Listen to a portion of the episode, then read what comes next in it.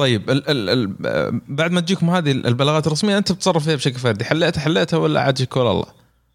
إي بالضبط بالضبط حليتها حل... أصلا هو ما يجيك رسمي زي ما قلت لك أيه. حليتها حليتها تمام ما حليتها خلاص انتشرت إيش تسوي؟ وال والبنت إن رفعتها للشارب ان طمتها اللحيه يعني ان إن, إن بلغت صارت مصيبتها أعلى وان سكتت طاحت تحت أيوه. ضحية الابتزاز الطويل المدى طيب كيف كنت كنت تحلها بالضبط. وش الآليات حقت الحل؟ آه، قضايا حل البنات ولا حل هذا اللي يتخرفن؟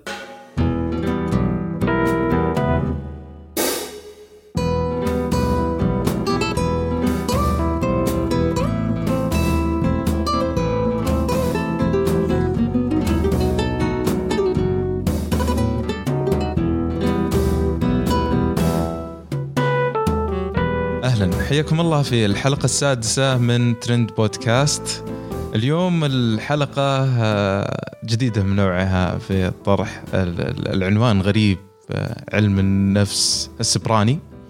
آه، أعتقد انه موضوع لم يطرح سابقا ولم يطرق. عندنا اليوم ضيوف متميزين. عندنا طبعا الأخ الصديق أحمد النهار. أهلا وسهلا. حياك الله أحمد. ترى الناس يسألون عنك الحلقة الماضية يقولون اشتقنا له وما أدري إيش. شكلك بتاكل علي الجو؟ انت اللي مسجل بالحالك ومعنا غدير آه، بنت راشد آه، متخصصة في آه، مجال علم النفس السبراني واللي أبهرتني حقيقة أن في بنت من بنات الوطن متخصصة في مجال الحقيقة. يعني أعتقد أنه متميز وإحنا نحتاج حياك الله. أهلا وسهلا الله يحييك. ومعانا عبد الرحمن ترجمات عبد الرحمن. عبد الرحمن طبعا من الناس المطلعين على قضايا الابتزاز قضايا العنف ال ال ال أو الابتزاز الإلكتروني القضايا الإلكترونية الجرائم المعلوماتيه فأعتقد انه راح يثرينا كثير. حياك الله عبد الرحمن. يا هلا والله الله يعافيك. يا هلا والله نورتنا وحياكم الله يا شباب. اليوم النقاش إن شاء الله راح يكون مفتوح حول قضايا الابتزاز وقضايا التنمر الإلكتروني. بس قبلها آه ودنا غدير تكلمينا عن علم النفس السبراني. يعني كيف جت الخلطة ذي؟ علم نفس وأمن سبراني كيف صارت الخلطة هذه؟ أصلا العلم ذا متى بدأ وكيف ووين وكيف يدرس حاليا؟ تفضلي. آه، أول شيء آه، أستاذ محمد أنا شكرت لك هذه الاستضافة. الله يحييك. وأنا جدا متحمسة لهذه الحلقة وإن شاء الله تكون شيقة. ونكون ضيوف خفيفين على مستمعينك. الله يحييكم. آه، في البداية أنا حابة أذكر الفرق بين علم النفس السبراني والأمن السبراني لأنه في خلط كبير بينهم. امم علم النفس السبراني هو أحد فروع علم النفس. ممكن آه، يكون قريب من علم النفس الإعلامي يكون قريب من علم النفس الجنائي أو ال- الإجرامي. آه، الجامعة الرائدة في هذا المجال اللي قدمتها هي جامعة الملك عبد العزيز. في جدة. آه، ومن هذا المنبر الإعلامي أنا حابة أشكر آه، دكتور صالح الغامدي هو مؤسس آه، هذا البرنامج. آه، هو رئيس قسم علم النفس. آه، أيضا حابة أشكر دكتور بدر سليمان هو رئيس تقنية المعلومات أيضا في الجامعة اللي أتاحوا لنا فرصة أنه ندرس هذا التخصص أو قاموا بتعريبه. آه، للأمانة استفدنا جدا كثير. آه، ممكن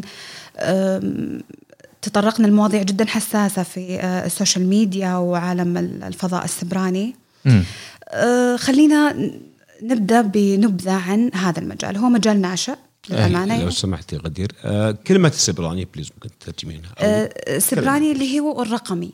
آه. Cyber. Cyber AI. بالضبط. بس لأن الكلمة لها يعني تقريبا كم سنة هي توها جديده فعشان كذا الناس آه. هو السايبر آه، هو أي شيء يتعلق بال- بال- بالتكنولوجيا بشكل عام.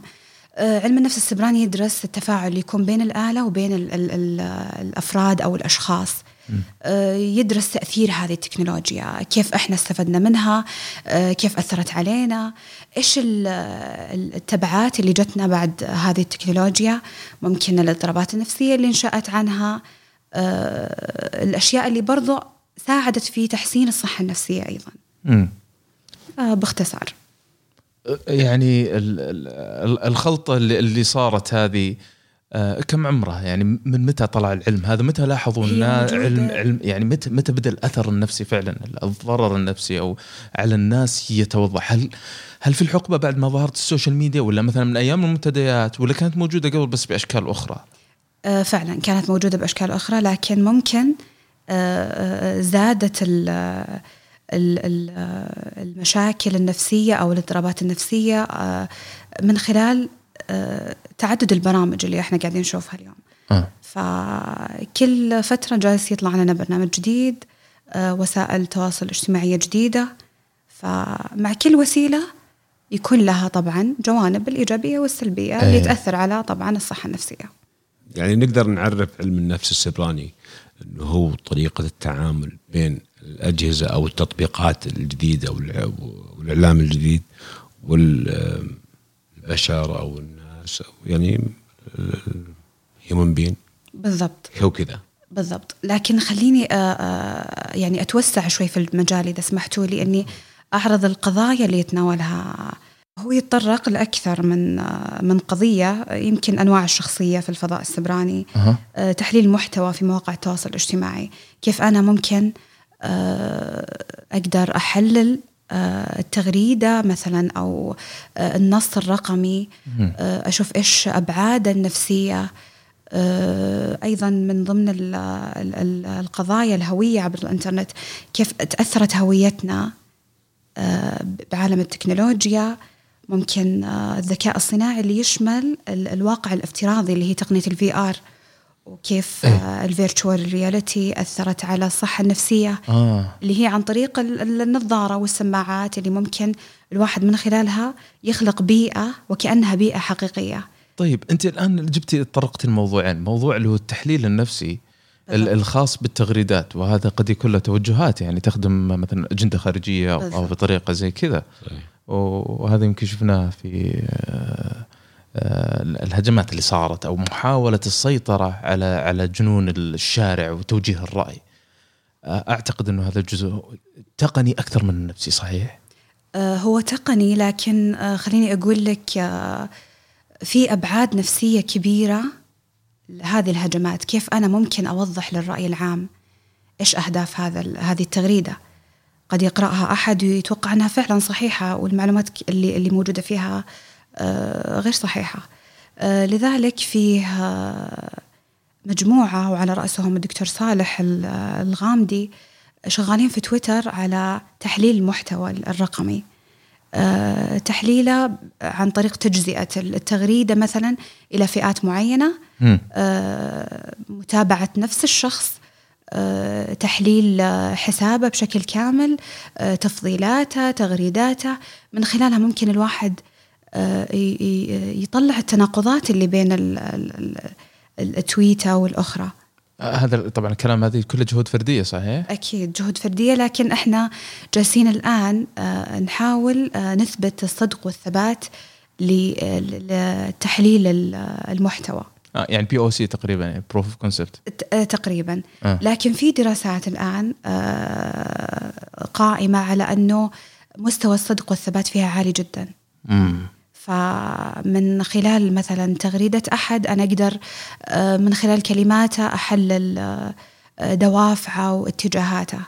يعني غدير أنت آه، الآن فرضا ممكن أعطيك حساب أحد معين أو فرضا تغريدات شخص. ومن خلال هذه التغريدات تعرفين شخصيته؟ أو فرضا تحلين شخصيته؟ أو هل هو فرضا عدواني؟ هل هو شخص طبيعي توجه سياسي فكره؟ بالضبط. آه، طبعا إحنا ماشيين على نظرية العوامل الخمسة اللي من خلالها أنا ممكن آه، أحلل التغريدة بناء على خمس عوامل. أنا اللي أعرفه زين بحكم تخصص يعني إنه في مراكز أبحاث خارجية هي هي شغلتها الشغلة هذه. انها قاعدة تقرا الشعوب هذه. بدا أول كانوا يرسلون مستشرقين للشعوب ذي علشان يقرونهم. الآن صاروا عن طريق الفضاء السايبر يقدرون يقرون كل الأفكار يعرفون الشارع نبض الشارع. وأعتقد إن إسرائيل من أكبر الدول المستثمرة في الموضوع هذا مراكز الأبحاث. آه، خليني أقول لك آه، إسرائيل هي أكثر دولة آه، الأمن السبراني فيها جدا عالي. مم. آه، عندهم حماية الشبكات آه، بشكل جدا آه، هم متقدمين في مجال التكنولوجيا يعني أي، بشكل واضح بالضبط. جدا. بس إنهم يعني مراكز الأبحاث حقتهم مراكز الأبحاث مش مش التقنية كثر ما هي اللي هو تقرأ مثلا الدول الجوار وش التوجه عندهم إيش قاعدين يقولون في القضية الفلسطينية الآن وش نحرك وش نقول. هذه كلها تبنى على على دراسات من على ضوء ما يطرح في السوشيال ميديا يعني. آه، بالضبط. آه خليني أرجع ل تفضل آه، العوامل الخمسة. أي العوامل الخمسة الأنماط الشخصية. كثير مثلا ممكن يتساءل إنه كيف أنا ممكن من خلال تغريدات أنا ممكن أقدر أحلل الشخص أو أحلل المحتوى. آه، في السابق كنا نقول إنه لازم الشخص يكون موجود وجها لوجه. إيه. أنا أقدر آه، من خلال أسئلة معينة من خلال حوار معين أنا أعرف إيش إيش وراء هذا هذا الشخص. لكن الآن آه، قد تكون توجهات الأشخاص وأفكارهم وآرائهم كلها في التغريدات. فأنا ممكن من خلالها أنا أ- يعني أحلل الشخص هذا و- وأعرف إيش إيش آه، أفكاره إيش آه، توجهاته آه، إيش شخصيته.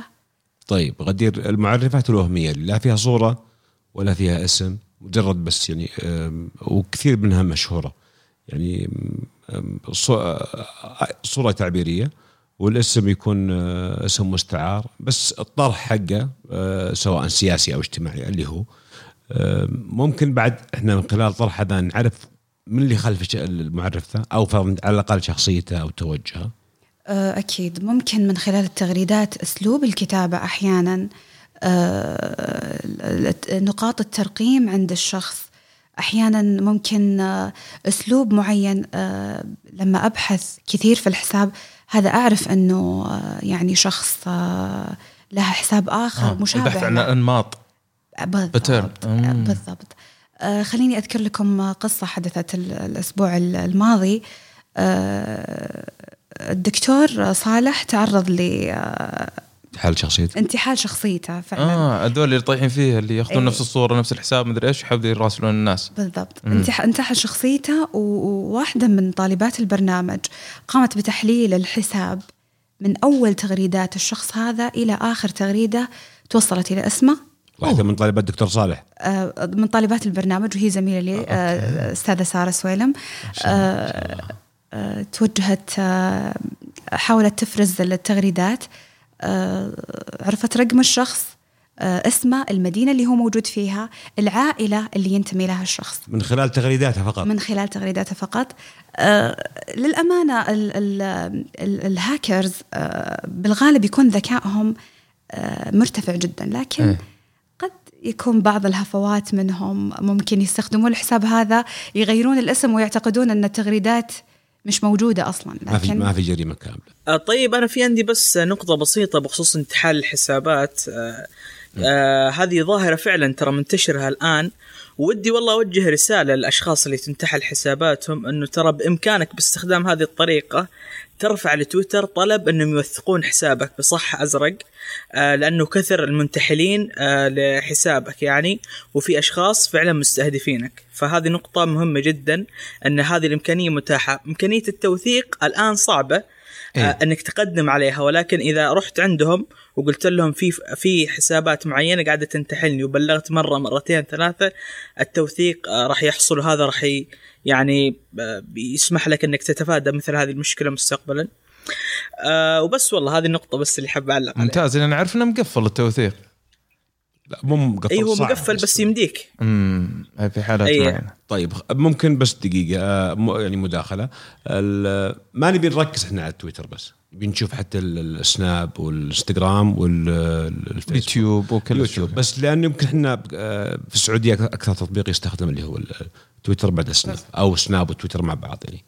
آه، آه، هل غدير يفرق الت- التحليل من من تطبيق لتطبيق؟ فرضا سناب حكم إنه يطلع وجهي فرضا أو يتكلم فيه أو صوته باين. غير الكتابة في التويتر غير فرضا الكتابة الطويلة في الفيسبوك يعني أو الصور اللي بتنحط في الإنستغرام. يمكن يكون في فرق كبير لأن الشخص في سناب شات مثلا أو لما يظهر بصوته أو أو أو صورته. وش اللي آه عفوا أسهل أو فرضا يكون أوضح شخصية؟ آه، من التطبيقات دي كلها أو أسهل لك فرضا. زي فرضا الأخت سارة إنها حللت التغريدات فرضا ممكن لو الانستغرام شافت صور معينة بتحلل أكثر أو آه بالضبط. لكن آه خليني أقول لك هم يتخفون تحت ال- ال- ال- النص الرقمي أكثر من اي أكثر من آه، الصورة. الظهور بالصوت والصورة لأنه بسهولة جدا ممكن تعرف الشخص تعرف من طريقة لهجته أو كلامه أو ال body language مكانه. آه بالضبط. فهم يتخفون دائما تحت النصوص الرقمية. يعني فيسبوك تويتر بالضبط. فيسبوك تويتر آه، هم بالغالب بعيدين جدا عن آه، سناب شات إلا إذا كان آه، ممكن يحط له معرف معين ويحط الخلفية السوداء ويكتب عليها كتابات معينة إيه. وينزلها. هذا كان نستخدم text يعني في الأخير. أيوة بال... طيب ال- الفضاء السبراني يعني هل هل الان نقدر نقول إنه فضاء حقيقي؟ يعني شفنا أفلام كثيرة أذكر في بلاك ميرور كان في حلقة كاملة تتكلم عن الموضوع هذا انه كيف إنه صار في شخصيات مزدوجة في العالم الحقيقي والعالم ال- ال- السبراني. فهل حنا وصلنا نفس المرحلة ذي اللي كانوا يتنبؤون فيها إنه الإنسان يعيش ازدواجية شخصية؟ آه، بالضبط آه، خليني أقول لك آه، في البداية أن ال- آه، الفضاء السبراني هو فضاء غير حقيقي لكن مين اللي داخله؟ أشخاص حقيقيين مم. تفاعلهم حقيقي آه، قد يكون في البداية من من آه، يعني نوع من أنواع التجربة أن الشخص يجرب معرف وهمي وبعد كذا آه، يتخفى تحت معرفات وهمية آه، ومن من من هالنقطة ممكن آه، تتأثر هويته الشخصية الحقيقية من تعدد الهويات في الفضاء السبراني ممكن الشخص آه، على شخصيته الحقيقية بالضبط. أكيد. أنت تخيل أنه أنت شخص مثلا انطوائي أو شخص خجول آه، ما قمت بمساعدة نفسك أو الذهاب إلى مختص معين عشان يساعدك في حل هذه المشكلة فعلاقاتك كانت محدودة جدا.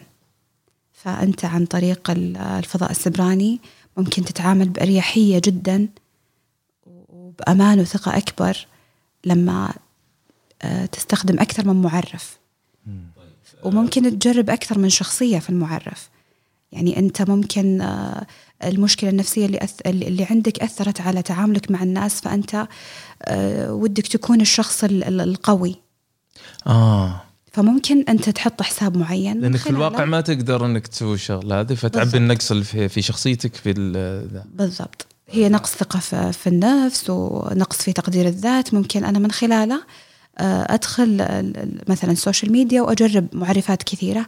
من من هذه النقطة كثرة المعرفات آه، تأثر على شخصيتنا الحقيقية و- وتعدد الهوية له لها أبعاد كثيرة سلبية على الأشخاص. هل الازدواجيه آه، حالة صحية أو طبيعي إنه يكون مزدوج الواحد فيه؟ يعني أنا في, العالم الافتراضي غير هل هذا طبيعي ولا هذا مرض بالفعل؟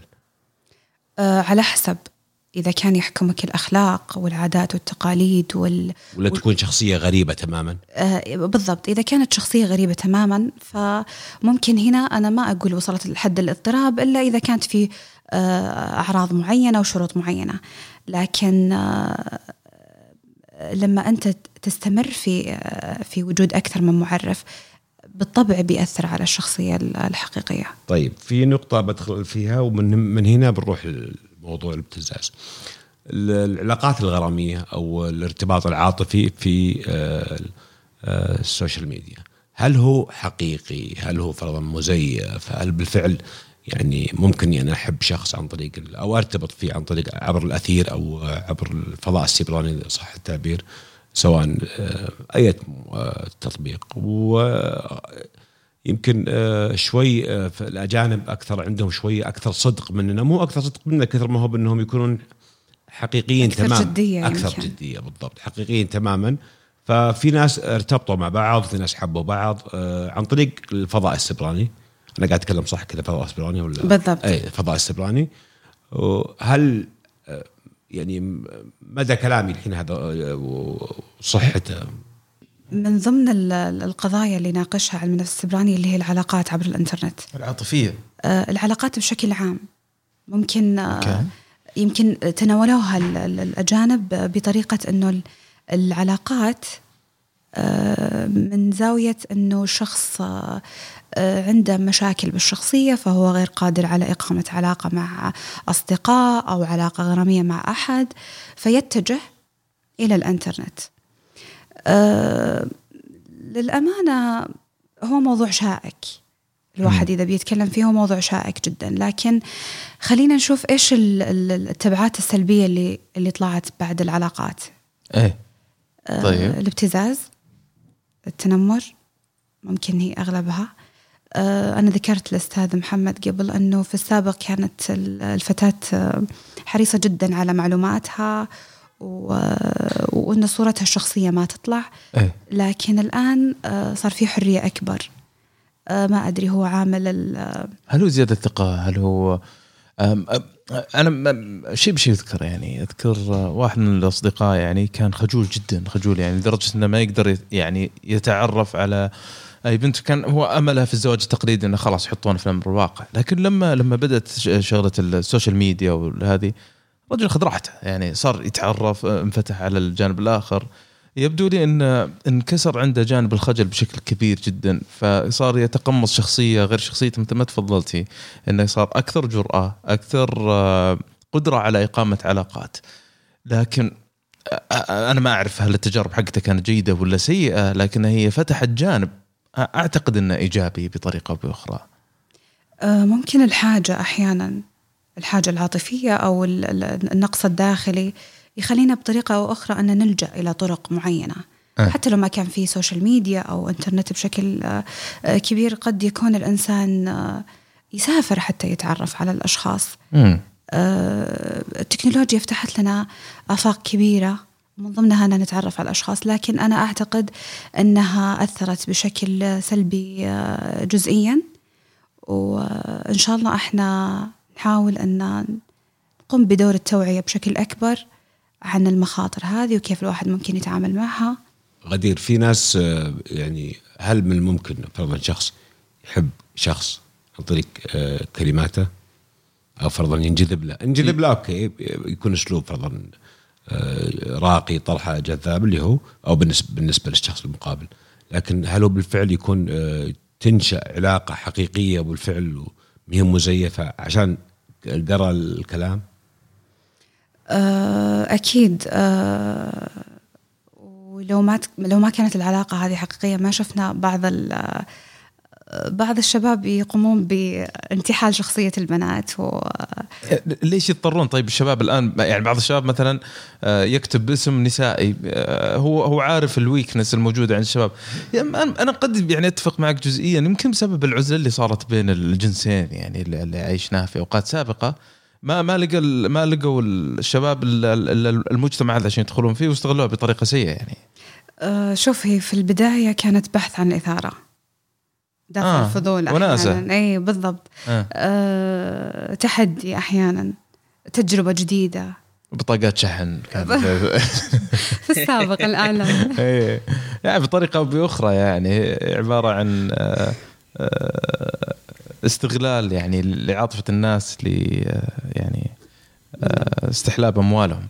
عبد الرحمن يعني بحكم عملك طبعا عبد الرحمن اشتغل فترة يعني أعتقد فترة من حياته في في آه، مع هيئة الأمر بالمعروف إي إي عملت عملت معاهم فترة. وش كانت دوافع ال- ال- ال- الأشخاص يعني ال- ال- المبتزين بالطريقة هذه؟ يعني إحنا جبنا طاري ال- ال- المبالغ المالية واستخدام الأسماء المستعارة هذا قديما ل ل- يعني صنع المال.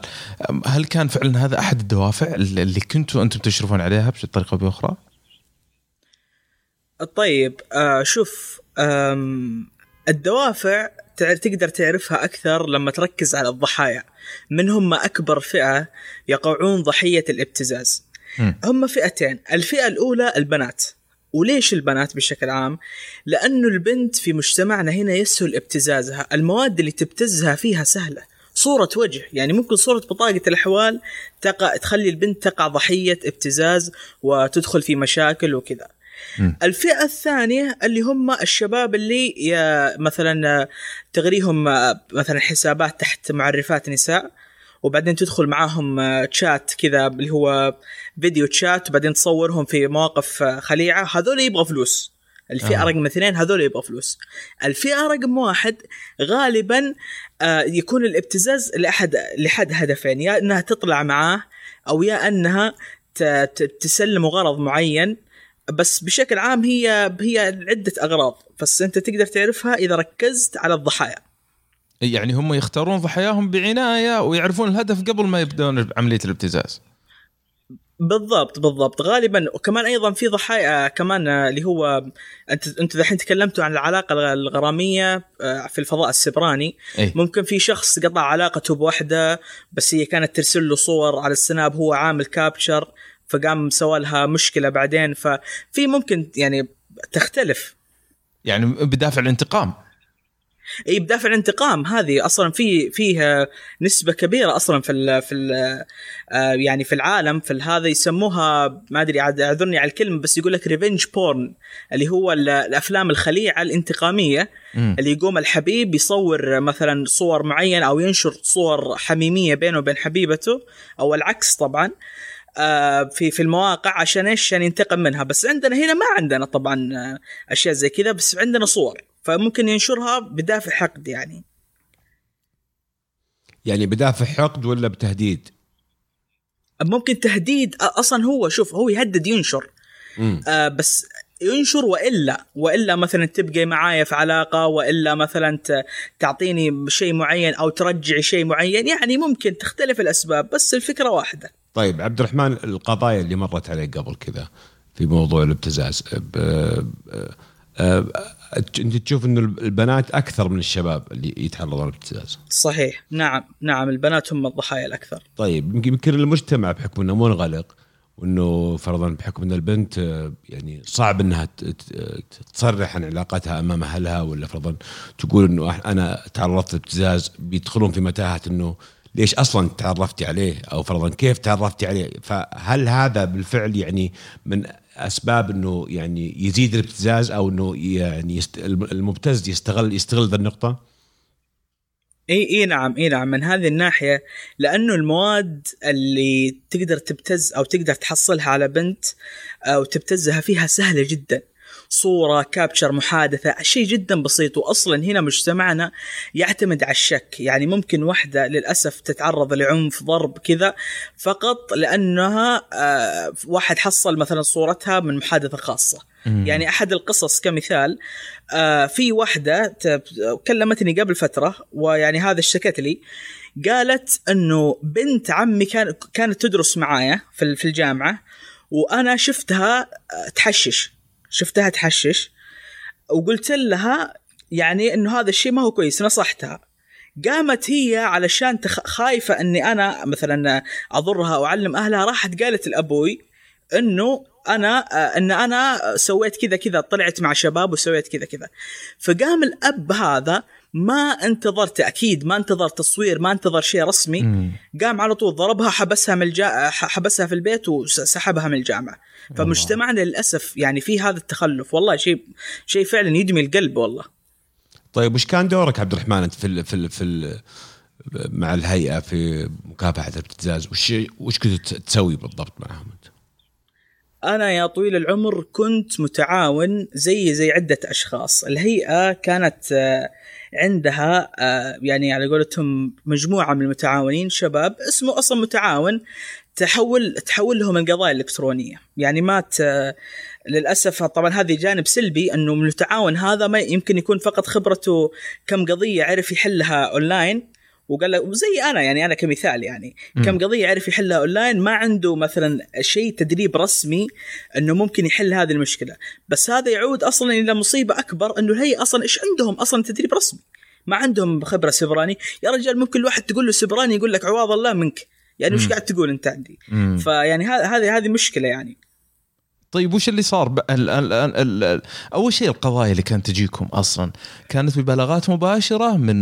من الضحايا ولا كانت عن طريق الشرطة ولا وش كانت الآلية ذاك الوقت؟ الآلية يا طويل العمر كانت كالتالي آه يجيك واحد يحصل رقم مثلا المسؤول في هذا الفرع من الهيئة مم. يقوم المسؤول ذا يحوله على رقمك أنت هذا الموضوع off the books آه ما في شيء رسمي يعني ما في شيء رسمي. هذا المصيبة. هذا المصيبة. ما في شيء رسمي. يعني تجيب الطاعة أنت. صارت في راسك يا يا المتعاون. أي لا ما هو المصيبة اللي اللي يقهر أكثر إنه حتى لو كانت في راسي هو ما يقدر يشتكي، الضحية ما تقدر تشتكي، الضحية يغلبها الخوف إنه. والله ما أبغى شيء في سجلي فيقوم ياخذها ياخذها بدون يعني بدون رسمية وبدون تسجيل بلاغ. في يوم المتعاون ذا يجيب العيد خلاص يروح فيها. ما يقدر يقول شيء. كان في هذه مصيبة والله. كان في رقم 1909 أعتقد آه، ذاك الأيام أو في رقم للهيئة تدق عليه و آه هذه نادرا. هذول نادرة نادر اللي تروح على هذا معظم القضايا كانت تو- توصل لي واتساب يا رجال. واحد يقول لي تكفى ساعدني أخذت رقمك من فلان أخذت رقمك من فلان. هذول كلهم موظفين في الهيئة. طيب إيش دورك أنت عبد الرحمن بعد كذا؟ أنا دوري أقيم الحالة أقيم المشكلة. هو مثلا آه في طبعا مس مسألة ترى البنت ما تشتكي. البنت أي. اللي تروح ضحية ابتزاز ما تروح تشتكي للهيئة أو تروح تشتكي لأحد. هذه مصيبة. يعني فمعظم اللي كانوا يجون كانوا شباب تم تصويرهم جاتهم واحدة اسمها الريم ولا واحدة كذا اسمها ال... هذا وحاطة صورة م- مدري إيش تخرفن. خق البني آدم ودخل أي. معه تخرفن بالضبط تخرفن ودخل معها فيديو تشات وراح فيها في النهاية طلع واحد وطبعا ما ودنا والله نذكر أسماء أو أي. يعني على قولتهم دول ومناطق بس أي. معظم هذا كانت من منطقة واحدة. وكلها تب... كلهم يبغوا تحويل فلوس طيب ال ال ال بعد ما تجيكم هذه البلاغات الرسمية أنت بتتصرف فيها بشكل فردي حليتها حليتها ولا عاد ولا الله؟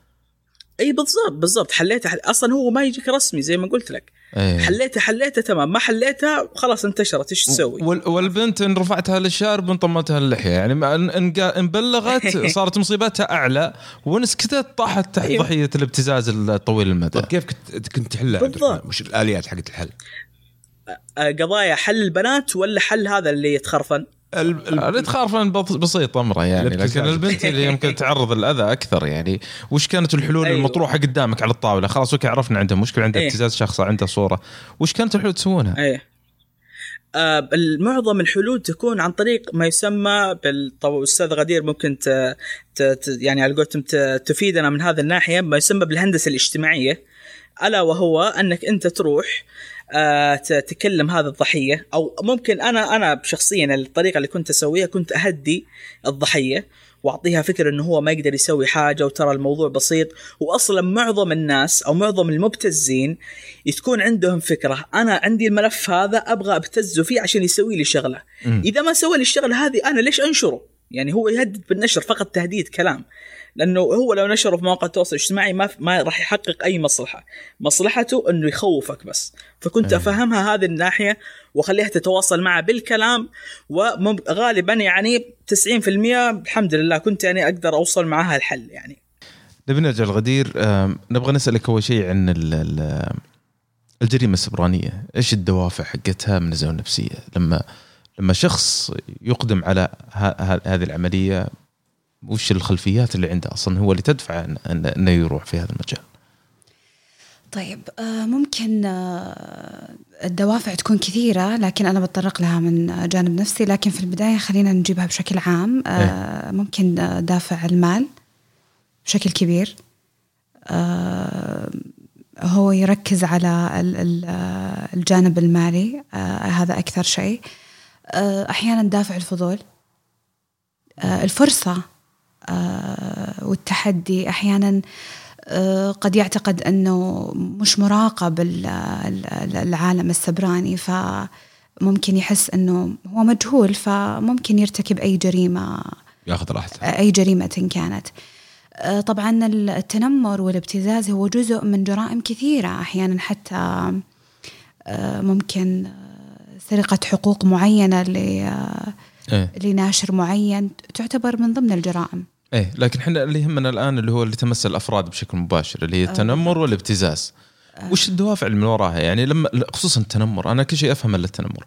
آه، شخصية آه، فلانية امتدري اللي طالعة اليوم ترند واللي قاعد ينشر له صور واللي قاعد آه، يطلع له تغريدات قديمة واللي قاعد يسب في أهله واللي يسب يقول أنت ما أنت بكذا ما أنت من القبيلة الفلانية ولا ما أنت بسعودي ولا يعني و- ذا لما- يجي المتنمر وتشوفين معبي الهاشتاج آه، ما هو يعني هو ما بينه وبين الشخص هذا شيء.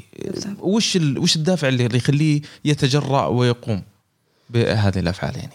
آه، أحيانا يكون عند الشخص اضطرابات معينة في الشخصية ممكن اضطراب الشخصية النرجسية. آه، قد يكون الشخص يحب آه، التحدي والمغامرة أحيانا آه، ما يملكون القدرة على المواجهة. فمن خلال الفضاء السبراني قادر على أن يفرض غضبه أو يفرغ غضبه؟ بالضبط. آه، آه، وش اضطرابة الشخصية النرجسية لو سمحتي؟ آه، هو- اضطراب شخصية. آه، يكون الشخص فيه آه، عدواني جدا. آه، نرجسي بذاته يحب الانتقام من الآخرين يحب الأذى أحيانا.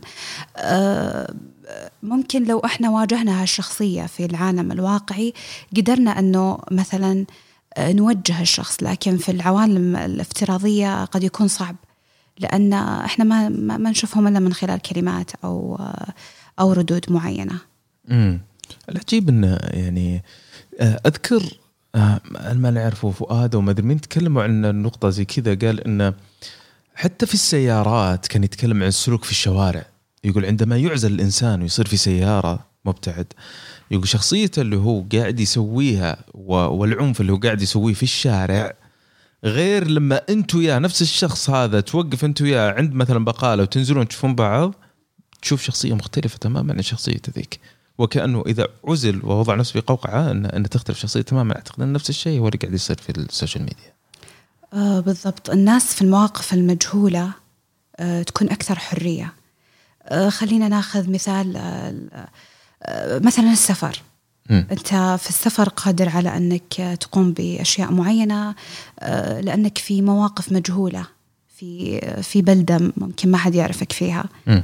فأنت غير قادر على ممارسة حريتك مثلا في بلدة معينة أو بحكم عادات أو تقاليد أو أو شيء معين طيب المجتمعات العربية أكثر أو المجتمعات الأجنبية اللي فيها ال- ال- ال- الانفلات هذا السبراني أو فرضا ولا هل هم كلهم متساويين؟ هي مختلفة للأمانة الواحد ما يقدر يحددها لكن آه، إحنا نسمع آه، بالانتحار الإلكتروني في ال- آه، عند الأجانب بشكل كبير. أحيانا ممكن يطلع عبر عرض يوتيوب آه، فتيات. ممكن آه، تعرضوا للتنمر السبراني عبر كلمات معينة أو تعليقات مسيئة معينة على إيه هنا شكل السؤال. أو أو لو يعني فرضا معقولة تو- توصل لمرحلة إنه تقتل نفسك بسبب إنك أنت وصلت لمرحلة من الاكتئاب أو من آه، تنمر.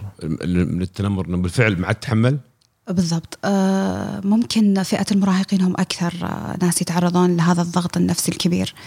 ف مثل ما نعرف حتى ال deep web آه، منتشرة في هذه المقاطع. ممكن ال- المراهقين يتعرضون لهذه ال- المقاطع ويقومون بتقليدها وبشكل علني يعني. هو هو مشكلة أعتقد ان في جزئية إهمال من ال- العوائل والأسر آه، بخصوص تقنين الابلكيشنز اللي قاعد يستخدمونها أطفالهم. يعني يعرضون اطفالهم الأذى من سن مبكر. آه، بالتأكيد أي مشكلة نفسية يتعرض لها ال- ال- الطفل المراهق آه، الشاب هي نتيجة آه، تنشئة اجتماعية خاطئة وغير سليمة. بشكل تعمق. الموضوع هذا؟ يعني إحنا بعد بعد مثلا فيلم الجوكر بعد ما طلع بالضبط. ألقى ألقى اللوم بالكامل على المجتمع إنه أنتم اللي صنعتوا الجوكر وصنعتوا ألف جوكر غيره من الأشرار. اللي تجون اخر شيء تلومونهم وتحاولون انكم هل المتنمر الإلكتروني آه، نشأ في بيئة قد تكون سيئة جدا. ف- هو ضحية على فكرة. ال- المبتز آه، الم- المتنمر هو ضحية تنشئة اجتماعية خاطئة. ما والممتاز عندهم كذلك؟ بالضبط. ما عندهم قدرة على التعبير بطريقة صحيحة أحيانا. آه، ما عندهم قدرة على إقامة علاقات اجتماعية سوية. آه، يعيشون في اضطراب داخلي لذلك آه، يقومون بتفريغ هذه شحنات الغضب اللي اللي في داخلهم عبر عبر الفضاء السبراني. في بعض المعرفات أو في البايو يكتبون ناس كثير إنه أنا وقهوتي أنا والقهوة صديق القهوة أنا أم، ما في أحد ينفع. المهم إنه تعبير إنه أه، اكتفى بالعزلة. هل هذا يعني أم، الشيء يعني دليل شيء معين في الشخصية أو فرضا من كثر الخيبات اللي مرت عليه في العالم الحقيقي اتجه للعالم ال- ال- السبراني أو العوالم السبرانية و- وصار يعني يكتفي بهذا الشيء؟ قد يكون تجربة للغموض أحيانا. ال- الشخص حاب يكون بشخصية مختلفة. أحيانا ممكن نشوف شخصية متزنة جدا في آه، في مثلا عالم تويتر. إيه. لكن لما نقابل الشخص نلقى شخصية جدا مهزوزة و آه، وقد يكون يسرق هذه الكلمات اللي اللي يحطها في المعرفات أو حتى من خلال التغريدات. آه هو قاعد يحاول يغطي النقص اللي عنده. بالضبط. مم. والله يا أخي عجيب يعني يمكن آه، كبار السن عندنا آه، يمكن لاحظتهم يعني أنا شفت الوالده الله يطول عمرها كثير من اللي حولي من كبار السن آه، صاروا ينبسطون على ال على ال على الإنترنت وعلى هذا إنه ما يصبرون عنه وحتى قللت عاداتهم الاجتماعية اللي كانوا يختلطون فيها أول قبل وطلعاتهم وجياتهم بطريقة أو بأخرى تحس انه في فراغ تعبى عندهم. لكن هذا أثر سلبا على علينا إحنا كشباب إن أصلا فقدنا التواصل الحي. وهذا هذا قد يكون من من مشاكل العصر اللي إحنا حنقبل عليه يعني مستقبلا. آه، ممكن إحنا فقدنا التواصل ال- ال- الحقيقي لكن التواصل ال- الافتراضي موجود وبشكل كبير يمكن و- وأسلوبنا في التعبير كان مختلف جدا وقد يصل إلى مراحل كبيرة من الإبداع أحيانا. الواحد ما يقدر ممكن يعبر عنها في العالم الحقيقي لكن آه، ضروري دائما الواحد يكون في حياته متزن. إيه. لكن لا, لا, لا يكون هو تواجده الحقيقي وكل شيء في الفضاء السبراني. لأنه مثل ما تفضلت يعني خلقوا لنا ناس شخصيات مهزوزة لا تستطيع الحديث في العلن آه، تكبت أفكارها لأن آه، يعني قد تنصدم. قبل سعود انت قابلت ناس زي كذا لما تجلس معاه يعني شخص ركيك مكسور ولكن تشوف كتاباته في في الشبكات آه، شخص آه، شيء يعني ما تتوقع إن هذا الشخص هذا بيطلع منه شيء يعني أنا أعرف واحد من كبار المعرفات آه، آه، عنده مشكلة في في ال- في النطق. إيه. مشكلة كبيرة. آه، وصديق عزيز هو. آه، بس آه، آه، في الكتابة وفي حضوره في ال- في ال- في التويتر حضور قوي جدا. يعني مؤثر. جدا جدا ما تصور كيف. امم لكن هو يعني يا رب إن شاء الله يتحسن وتصير اموره كويسة. آه، الكلمة يا رب تطلع منه. آه، أنا آه، يعني في اعتقادي أن هذا تأثير إيجابي لل- آه، للسوشيال ميديا لأنه جالس يكمل شخصيته إذا أكيد. إذا في نقص معين في جهة فهو قاعد يعوضها. لكن خلينا ناخذ ال social media ومراحل نمو ال- الإنسان. إيه. آه، ممكن الأطفال آه، في صغرهم يمسكون ال- الآيباد والأجهزة ال- الذكية الآن آه، تمنعهم من التواصل واللعب آه، بشكل طبيعي. آه، بعد كذا ينشؤون مراهقين غير قادرين على التواصل عندهم إشكاليات معينة حتى آه، حتى المهارات الحركية فقدوها. مهارات حركية ولغة التواصل آه، والتخاطب أيضا آه، لها تأثير كبير آه، في في دراسات أثبتت أنه استخدام الأجهزة بشكل كبير أو إدمان الأجهزة الإلكترونية أثر على تواصل الأشخاص وطريقتهم في التخاطب مم. قدير اليوم واحد من الشباب المغردين يتكلم عن إن تويتر المفروض إنه بلس 17 يعني كبرنامج يعني لازم يعني التعامل معه من 17 وفوق وش ال- التطبيقات اللي تشوفينها فرضا؟ مناسبة لصغار السن والمفروض إنه بعضها آه، تنشال من الأجهزة حقت الصغار أو آه، إنه في أوقات معينة يدخلونها. يعني يا ريت تتكلم يعني في الموضوع هذا بالنسبة للصغار وبالنسبة لل آه، آه، آه، أشخاص معينة فرضا المفروض إنه ما يستخدمونها في التطبيق فرضا. آه، الجمعية الأمريكية للطب النفسي آه، حددت آه، الأعمار الزمنية لل- آه، للأشخاص من من الولادة حتى آه، كيفية طريقة تعاملهم مع السوشيال ميديا أنا ممكن آه، أشوف آه، أمهات آه، آه، منعا لإزعاج أطفالهم. يعطونهم الأجهزة بشكل متواصل وهذا أحد أكبر الأخطاء ال- آه، اللي أشوفها للأمانة في البداية يمكن الشخص التطبيقات المناسبة للأطفال قد تكون الألعاب لكن آه، الألعاب أحيانا تحتاج أنه آه، تكون متواصل أونلاين مع مع اللعبة آه. فهذا يعرضه إلى إلى التواصل مع أشخاص غرباء قد يقع ضحية جريمة تنمر. معينة بالضبط. تنمر أو آه، مثل ما شفنا في تطبيقات كثيرة أدت إلى انتحار الأطفال حتى. الحوت الأزرق؟ بالضبط. وش الحوت الأزرق؟ يعني وش ليش هذا هذا اللعبة ذي بالذات صار فيه هذا المشاكل؟ آه، تحدي. أحيانا آه، نشوف حتى يعني ما ينجح في التحدي يقوم يقتل نفسه فرضا؟ كذا هو؟ وهو تجربة أنه مثلا توصل لحد معين. أنا هذا اللي للأمانة عندي معلومات عنها. أنه توصل لحد معين من آه، وضع الحبل حول ال- اي حول العنق. يتدرجون في. التحديات يوصل مرحلة يحط الحبل على آه، بالضبط. الح- الحين ال- حتى تطبيقات الألعاب صارت آه، صار الواحد يلعب فيها ويقدر يسجلها ويعرضها على اليوتيوب و- ويكون في تحديات وينشر رابط هذا ال- هذا الفيديو. في عندي بس تعقيب بسيط على موضوع الحوت الأزرق. كشخص يعني مرتاد لل dark web وال deep web يعني وأعرف آه، عندي خبرة من من الناحيه هذه. هذه تراها تجربة اجتماعية وليست لعبة. يعني ما هو بلعبة تطبيق تحمله على جوالك وتلعب لا هي تجربة اجتماعية. أي آه، group مثلا ممكن يكون سناب شات group ممكن يكون هذا. وبدات في روسيا. وبعدين آه، يعني انتشرت في العالم ويعني اللي يديروها ناس. يعني يكون شخص مريض نفسي في عنده مشاكل وكذا يسويها ويجمع أشخاص ولكن هي ليست لعبة بذاتها مثلا application فهذه بس النقطة. آه وش فكرتها؟ آه، طيب ما دام انك متعمق فيها عطني عطني فكرة. كيف كيف يتدرجون بهذا الشخص البسيط سواء طفل أو كبير إنه يوصل لمرحلة الانتحار؟ يعني هذه مرحلة يمكن ال- ال- الشخص ال- ال- الدبرست المكتئب جدا يمكن يا الله يوصلها لمرحلة يقتل نفسه. إي إي أما هو في في في قضية إنه الطفل ما عنده وعي في يعني ما عنده مثلا رؤية إنه ممكن والله هذا الشيء ممكن يؤدي لي بالشيء الفلاني. يطالع عنده رجوله شاف حلاوة يلا أنا آخذ حلاوة. وكذا يلا امشي امشي امشي. ما يدري إنه هو طايح على هاوية فيها نار. فبالتالي القضية تبدأ آه كتحدي. كتحدي هذا من اللي طلعت عليه في روسيا وهذا وعاد الدارك ويب أنت تعرف فيه سوالف صدق في سوالف كذا.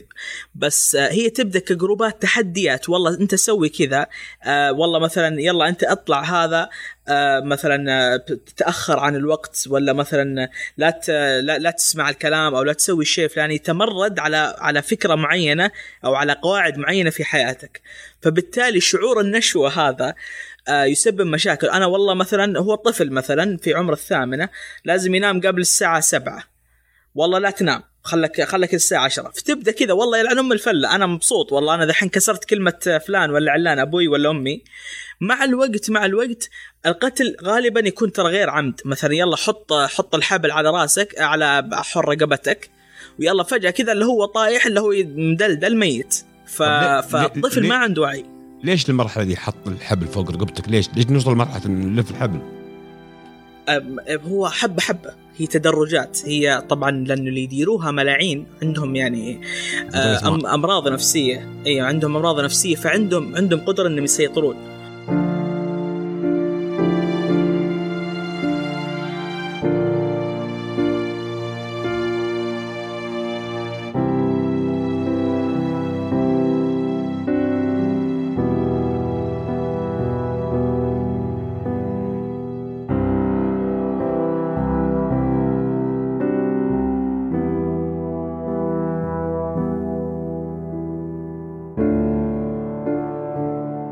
شوف واجد بزارين يعني قاعدين ينزلون ألعابهم تحدياتهم أصدقاء وما أدري إيش ويطلعوا ويلد وما أدري كذا يعني يعني حتى الثقافة اللي هم قاعدين ينشرونها طريقة آه عربجية يعني أي تحتاج التقنين للأمانة لكن إيه يعني ما جانب- والمشكلة إنه دائما ترند تلقيها في تويتر ترند مو تويتر في اليوتيوب آه. دائما المقاطع السخيفة هذه هي تلقينها في في الترند و...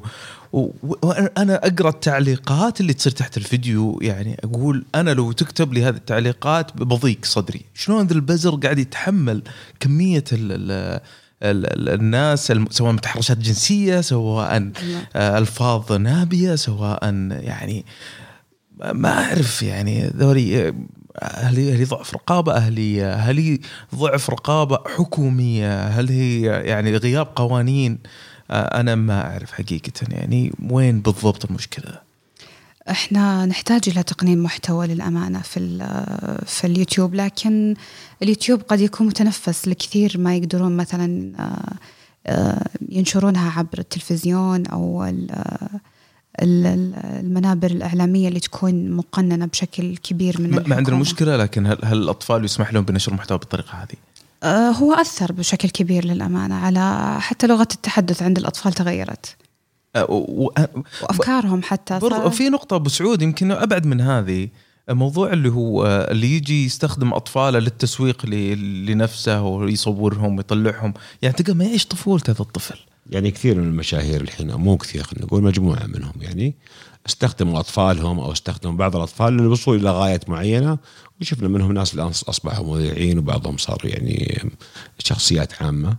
أه، استخدموهم و- وصلوا وخلاص الطفل ده انتهى دوره. آه للأسف أحيانا آه، نشوف التقنين ما يطلع إلا لما ي... تتفاقم المشكلة أي المشكلة هذه تكون ترند في تويتر مثلا عن طفلة قد يستخدمونها أهلها في غرض تسويق مثلا آه، منتجات مثلاً. منتجات معينة لما تضرب آه، ترند في في تويتر يتم محاسبة الترند الأهل. هذه بيحاسب بقضية واحدة ولا ولا يعالج مشكلة ولا يحج ظاهرة يعني إذا ما كانت مثلا نحتاج هيئة الإعلام قوانين. الم- المسموعية أو هيئة الأمن السبراني ال- ال- ال- ال- الموجودة يعني الأدوار اللي أنتم قاعدين تقومون فيها هذه أدوار فردية لكن أعتقد أنه يفترض أنها تكون جزء من المنظومة ال- ال- الأمنية الموجودة عندنا هنا آه بالضبط. آه، يمكن إحنا تركيزنا بشكل كبير على آه، أمن الشبكات وحمايتها من الهجمات المعادية. لكن إحنا نحتاج آه، فعلا آه، نحمي المجتمع. آه، بالضبط. آه، رقابة داخل ال- داخل ال social media بشكل كبير. أم، أنا يمكن الموضوع الابتزاز هو اللي يأرقني زيادة. بعض الأشياء هذه قد تحل مع في المستقبل أو إنه لما يكبر الشخص. تنحل معه. لكن الابتزاز هذا اللي بيأثر عليك كجريمة بيأثر عليك نفسيا وبيأثر عليك يعني اجتماعيا أه، يعني بيغير مسار حياتك. هو وش الحل في موضوع الابتزاز؟ أه، غدير وعبد الرحمن يمكن يشتركون في الموضوع هذا. آه، يمكن آه، إحنا نحكم آه، كمتخصصين على الاضطراب ال- الشخصية السيكوباتية. بعد عمر ال 18 أو لما يصير ال- ال- ال- الشخص مراهق. لكن إحنا لما نشوف طفولته راح نشوف انه شخص عدواني جدا. آه، العدوانية هذه ما ما تم التحكم فيها بشكل آه، آه، بشكل يعني سليم من متخصصين معينين. فقد تجهل الأم أنه هذه بادرة لأنه يكون الشخص عدواني وممكن يكون مجرم؟ يكون مجرم في في مراحل معينة من حياته. آه أوكي. طيب تكلمت أنت عن جزئية اللي هو لما نتكلم عن علم نفس معناته إنه في طب نفسي خاص بالفضاء السبراني. وش آلياته؟ وهل في عيادات متخصصة للموضوع هذا؟ وهل هي موجهة للناس المتنمرين والمبتزين ولا هي موجهة للأشخاص اللي هم أصلا يمارسون ال- ال- الابتزاز ويمارسون التنمر؟ يعني لو في شخص الآن قال آم، مثلا شاف إنه من خلال كلامنا مثلا هو قاعد يمارسها بطريقة هو ما يدري أصلا إنه يوم من الأيام متنمر أو إنه مبتز أو إنه هل هذا يحتاج إلى علاج نفسي؟ أو تقول لا إحنا بنعالج بس الناس اللي تعرضوا للأذى. آه، آه، للأمانة كل مشكلة نفسية قد تراها في الواقع ممكن أنك تشوفها في آه، في العوالم السبرانية. عشان كذا أنا ودي أن تتكثف جهود ال- المتخصصين في مجال علم النفس السبراني. الآن ممكن في دفعة الثالثة أو الرابعة. تركيزهم بشكل كبير طبعا على تحليل المحتوى. لكن إحنا بحاجة أيضا إلى نشر ثقافة الاضطرابات النفسية اللي قد تنشأ داخل آه، آه، السوشيال ميديا فإحنا بحاجة إلى آه، علاجها بشكل كبير. آه، ممكن ال- البوادر هذه آه، قد تكون مسؤولية الأم. من من الفئة المستهدفة؟ الأطفال بشكل كبير والمراهقين. اللي هم اللي هم الضحايا. بالضبط. ضحايا كانوا مبتزين أو كانوا متنمرين أيضا. آه أنت تعتبرينه مبتز ضحية برضو أكيد بكلامك ضحية هذا. تنشئة اجتماعية غير سليمة. أه، تحتاج إلى توجيه تحتاج إلى بيئة أه، يعاد النظر فيها بشكل كبير. بحاجة إلى التواصل مع الأم أحيانا أو مع الأهل آه، نتمنى يكون في جهة آه، تراقب مثلا الردود آه، لو عن طريق تطبيق مثلا يعتمد على الذكاء الاصطناعي مثلا أي. إنه من خلال تحليل تغريدات أو ردود معينة أو كتابات معينة أنا أقدر آه، أعرف إنه هذا الشخص آه، عنده العدوانية شوي آه، زايدة فأنا ممكن آه، أقوم بالتواصل معه أو التواصل مع مع ذويه. يعني الدكتور صالح مشكور صالح القامدي الثاني منه دكتور بدر سليمان. بدر سليمان. يعني ما في جمعية معينة ما في نقابة معينة أو فرضا يعني ولا الاشياء كلها أشياء فردية ذي؟ آه، أشياء فردية وهم يعملون الآن بشكل كبير ومكثف أنه آه، من خلال آه، تطبيقات ال- الطالبات والزملاء الموجودين في البرنامج أنه نخلق بيئة سبرانية سليمة آه، صحة نفسية جيدة. آه، من خلال بعض الأفكار آه، بس ما ما اللي راح تكون مظلة رسمية يعني ستيل هي مبادرة فردية يعني. مبادرة فردية لكن ممكن في الجامعة تتبنى آه، ابتكارات مشاريع معينة. طيب آه، غدير في سؤال ودي اساله الآن آه، إحنا بعد فترة أنا بحكم اني فرضا أو إحنا كلنا نتعامل مع ال- ال- ال- الفضاء السبراني. هل بعد فترة أحتاج إني أنا أعالج سلوكي؟ يعني أو أراجع سلوك. أو أراجع سلوكي أو فرضا ممكن ها يعني أت- أتعرض لصدمه معينة أو طريقة تعامل معين ضغط معين. هل أنا لازم إني أنا أروح للطبيب أقول أنا فيني كذا وكذا وكذا ولا يعني لا؟ آه، الشخص أحيانا هو يحدد مستوى ال- ال- السلامة ضرر. النفسية اللي ممكن يشوف انها ما أدري. اختل توازنها. آه، عن طريق مثلا ال- مثلا الأصحاب أو المحيطين بال- بالشخص رد ممكن الفعل. آه، بالضبط. أحيانا الشخص قد يلاحظ أن سلوكه من نفسه هو سلوكه تغير بناء على تقييمه الشخصي. ممكن يكون عدواني ممكن يكون إيجابي ها؟ ممكن آه، بالضبط. طيب بالنسبة ال- الآن ال- ال- ال- عودا على النقطة إحنا قطعناك من شوي موضوع اللي هو الإجراءات القانونية في بالنسبة للأشخاص اللي يتعرضون لل للعنف وال أو الابتزاز أو ايا كان. وش الإجراء القانوني؟ أو أو قبل الإجراء القانوني أنا الآن إكس من الناس. والله جاني واحد وأعطاني صورة لي وقال هذه صورتك يوم أنت هذا أريد بالمقابل واحد اثنين ثلاثة. وش التصرف السليم؟ ممتاز. آه، أول حاجة طبعا التصرف السليم ينقسم لقسمين. قسم آه، من يعني في التعامل ما بينك وبينه. وهذا يعتبر ممكن يعتبر القسم النفسي بس وفي قسم اللي هو القانوني. أنا ممكن أتكلم لك على القانوني ويتداخل مع شيء من الجانب الجانب التعامل ما بينك وبينه. آه الآن الوضع تحسن. ال- الآن يعني الآن جدا الوضع جدا تحسن. أول كان الموضوع يلا أنت تروح عند الهيئة الهيئة يسووا لك نفس الأشياء اللي أنا قلت لك إياها ويسلموك المتعاون مع مع يعني موجود يعني كذا ممكن في المتوسط ولا في الثانوي. يقوم يرسل هذاك آه، يسوي حساب اسمه دلوعة نجد ويرسل له رابط على أساس إنه هو يفتحه ويتهكر جهازه هذا هذا أمر يعني غير منطقي.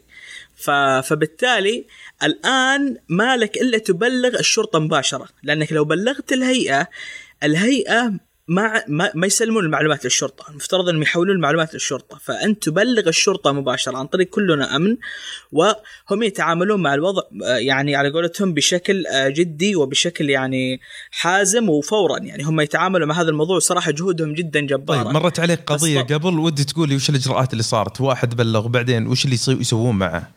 لأن في, أيوة، نا- في طيب. ناس بالفعل يا عبد الرحمن الآن يمكن يسمعونا ومتورطين أو إنه ما يدرون إيش يسوون. وحالتهم النفسية سيئة ويعني بعضهم ولا يثق في الشرطة أنا ودي تعطيني قضية صارت وش اللي صار فيها يعني. مو ما طيب، يثق في الشرطة ممتاز. كثر ما هو خايف يعني ممتاز, أو, ممتاز. أو أحيانا خوف ممكن اعطيك إيه.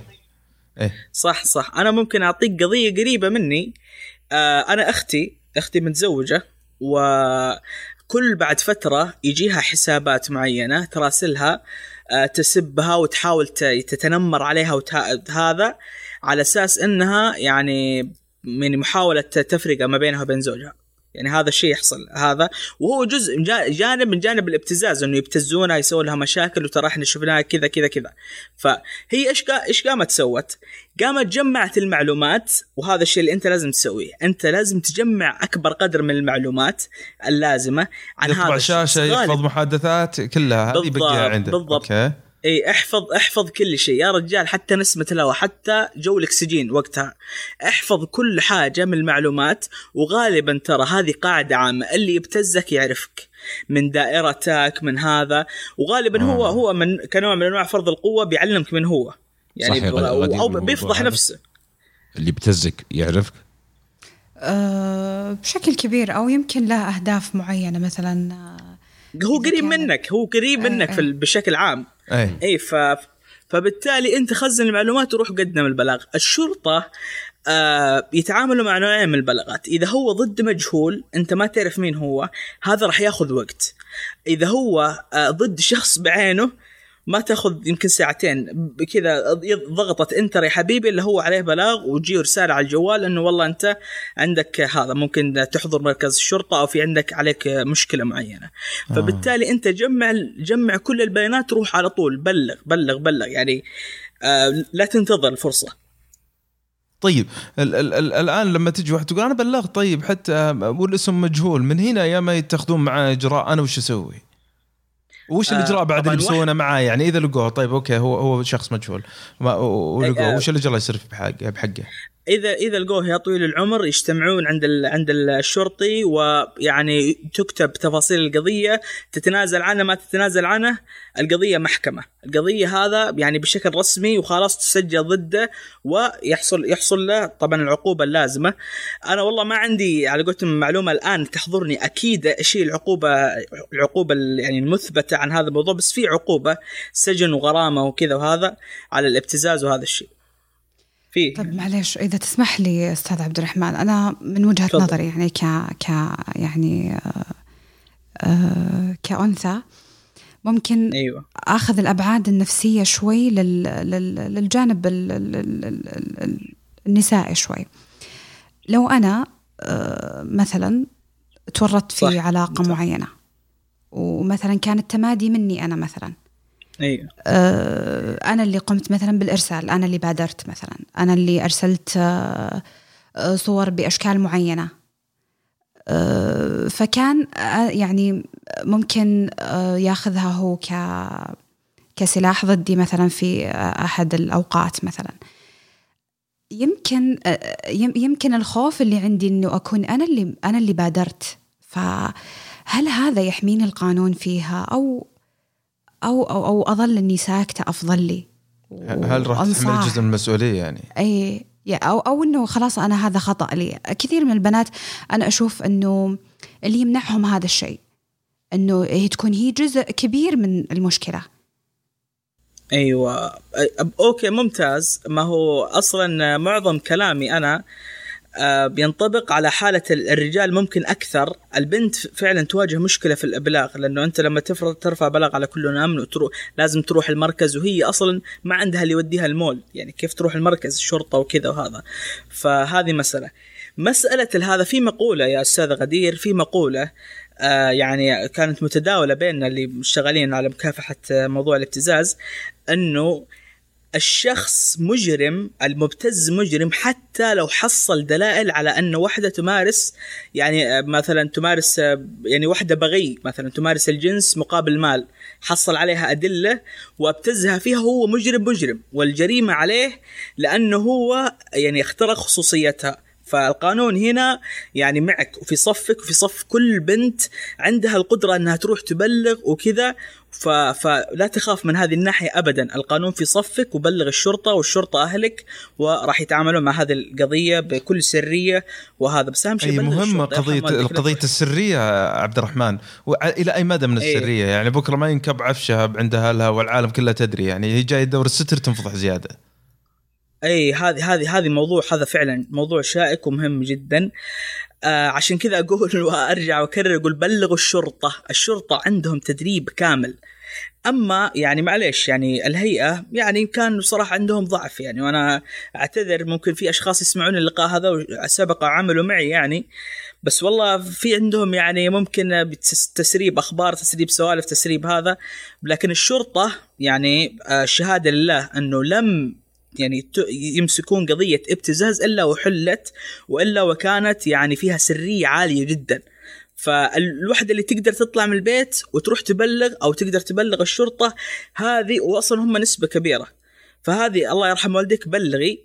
وعندنا هنا اللي فعلا مشكلة اللي ودنا نناقشها أو ودنا نجد لها حل البنت اللي ما تقدر تبلغ.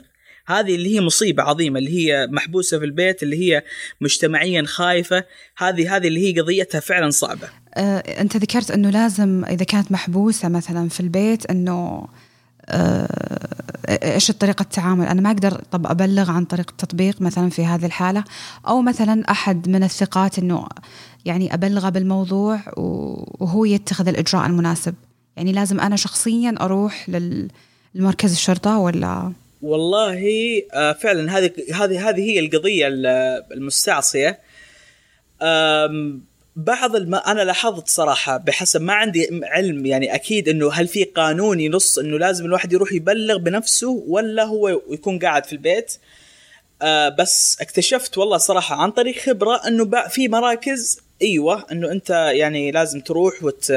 وتكون أنت حاضر وفي مراكز لا. فهي على حسب والله. أنا يعني ما قد جاني علم أكيد من هذه الناحية وهذا الموضوع اللي لازم يعني آه ودنا والله يعني يحل أو يجد له حل آه في هذا المجتمع إنه أصلا البنت ما تقدر تروح تلاقي حل يعني ما ما ما تقدر تروح عند الشرطة. فهذه هي النقطة يعني.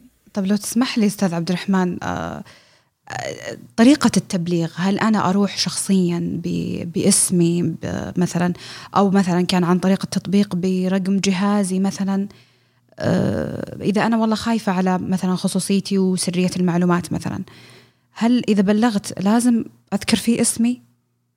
أو أو مجرد أكتفي بالدلائل الموجودة عندي سواء صور أو أو نسخ من المحادثات؟ أيوه هو هو كلنا امن أصلا آه ما تدخل إلا برقم الهوية حقتك وهذا لحمايتك أنت أصلا لحمايتك وتأكد يعني عزيزي المستمع وأنت يا أستاذ غدير والأشخاص الموجودين آه إنه الشرطة تحمي خصوصيتك 100% هي ما هي جاية عشان تمسك عليك فضايح وتروح ت...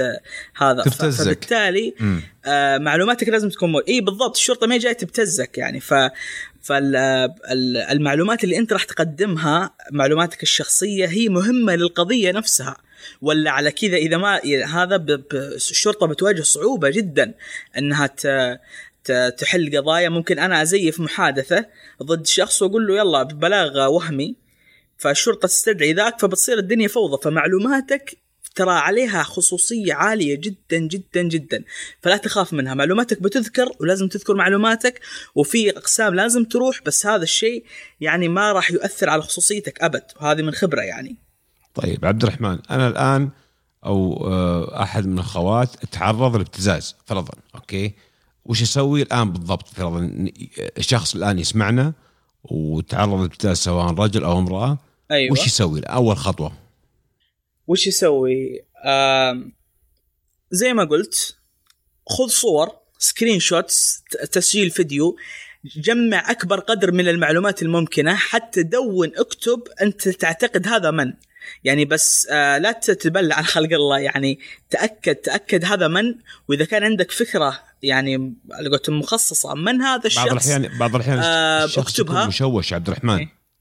أيوه أيوه. فعشان كذا ضحية الابتزاز أصلا لازم تكون عنده آه، مفاهيم ووعي أولي إنه آه هذا اللي يبتزك ما راح ينشر المعلومات.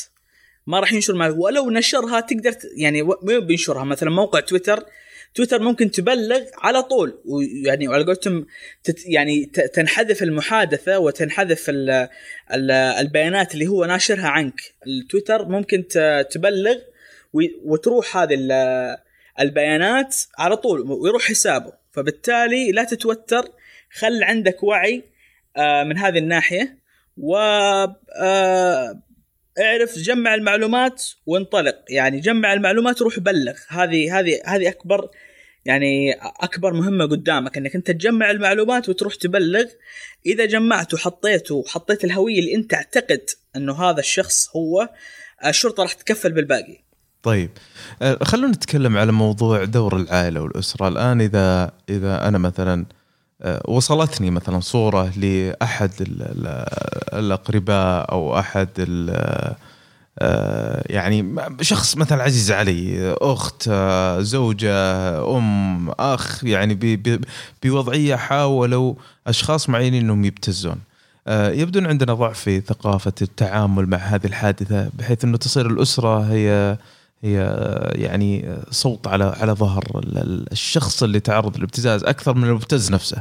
فخل بسمع منك أبو سعود هذه، وش دور الأسرة في حماية الشخص اللي من عندهم يتعرض لهذه القضية؟ والله شوف إحنا في مجتمع معقد شوي فأنا أعتقد أنه من, من الصعب أنك ت- يعني يعني في ناس يعني صدق قد يفقد حياتها بسبب قضية زي ذي. صح. أي فبطبيعة الحال يعني الموضوع يبغى له يختلف من عائلة لعائلة. فرضا في ناس بيحتضنون الشخص اللي قدامهم وبيحسونه بالأمان وحتى لو صار شيء إحنا معك وزي كذا ما أدري وش ردة الفعل. هل فرضا العائلة ذي بت- بتسوي كذا أو بيحرمونه فرضا من دراسته أو بي يعني إذا كانت فرضا آه، أتكلم عن بنت إذا كانت متزوجة فرضا بتخرب حياتها الأسرية وعيالها واللي يصير. وإذا كان الرجل قد يكون فرضا يأثر على عمله يأثر على يعني آه، خلاص يصير ينحرف يعني حياته آه، خلاص تتغير. فأظن يعني ردة الفعل هو اللي نخاف منه. لو إحنا فرضا في مجتمع شوي متصالح مع نفسه ومجتمع يكون فيه آه، الشفافيه شوي والآن الحمد لله قاعدة تزيد آه، بين أفراد الأسرة وأفراد الم- المجتمع بنرتاح شوي. إحنا باجي أنا أقول آه، اي فيني كذا وكذا وكذا وبتكلم على الأقل بشكل صريح. صح. لأن في ناس قد يثق في أصدقائه أكثر من يثق في أهله. مو يثق بس إنه يح- يرتاح. يرتاح يحس إنه لو لو قال هنا بي- ما راح يعني يكون في ردة فعل أو اي عكسية ضده. وهنا لا قد يساعده بطريقة وبشكل غير مباشر. فأنا أظن إنه يعني نحتاج إنه ال- ال- ال- الأسر والعوائل يكون عندها لو صار أحد من أولادكم أو فرضا أحد أفراد الأسرة صار له الشيء هذا آه، وجاء عندكم يا ليت يكون فيه احتضان واحتواء لهذا الشخص لأن هذا الآن ضحية وقد يأثر على حياته النفسية، قد يأثر على مستقبله، يأثر على يعني بيصير واحد ثاني فيا ليت يصير عندكم الشيء هذا حتى لو أخطأ لا تعنفونه أو تزيدون عليه. يا ليت إنكم تحتضنونه تحتوونه تنحل المشكلة. وأظن إنه يعني يعني ما أعتقد إنه يعني ناقص تزيد عليه. طيب ال- فيه ال- غدير تضيفين شيء على المعلو... الكلام اللي قاله أحمد؟ آه، لا بالضبط آه، إحنا بحاجة آه، إلى ثقافة التقبل والاحترام داخل ال- ال- الأسرة آه، لما الش- ال- ال- الضحية تكون بحاجة إلى دعم أسرتها آه، المفروض أن يكون في إحساس أنهم جديرين بالثقة جديرين بالاحترام والحب وأنه آه، ممكن غلطة وما راح تتكرر وراح يتم التعامل معها بشكل بشكل ودي أكثر. طيب بالن- بالنسبة ل- لكم أنتم يا البنات آه، آه، لما واحدة تجي تصور يعني ويبدون يتنمرون على انت قبيحة انت آه، شينة ليش تطلعين بالطريقة الفلانية؟ هذا ادى شعرك شيء زي كذا. اي فأدى يعني أنا أشوف أنا كشخص ملاحظ من برا وأرجو أنك تصحي لي إنه جرف كثير من البنات إلى عملية تجميل إلى التزييف بالشكل إلى حتى حتى في سناب شات مثلا يستخدمون فلاتر لأنه ما في احد حتى عيال.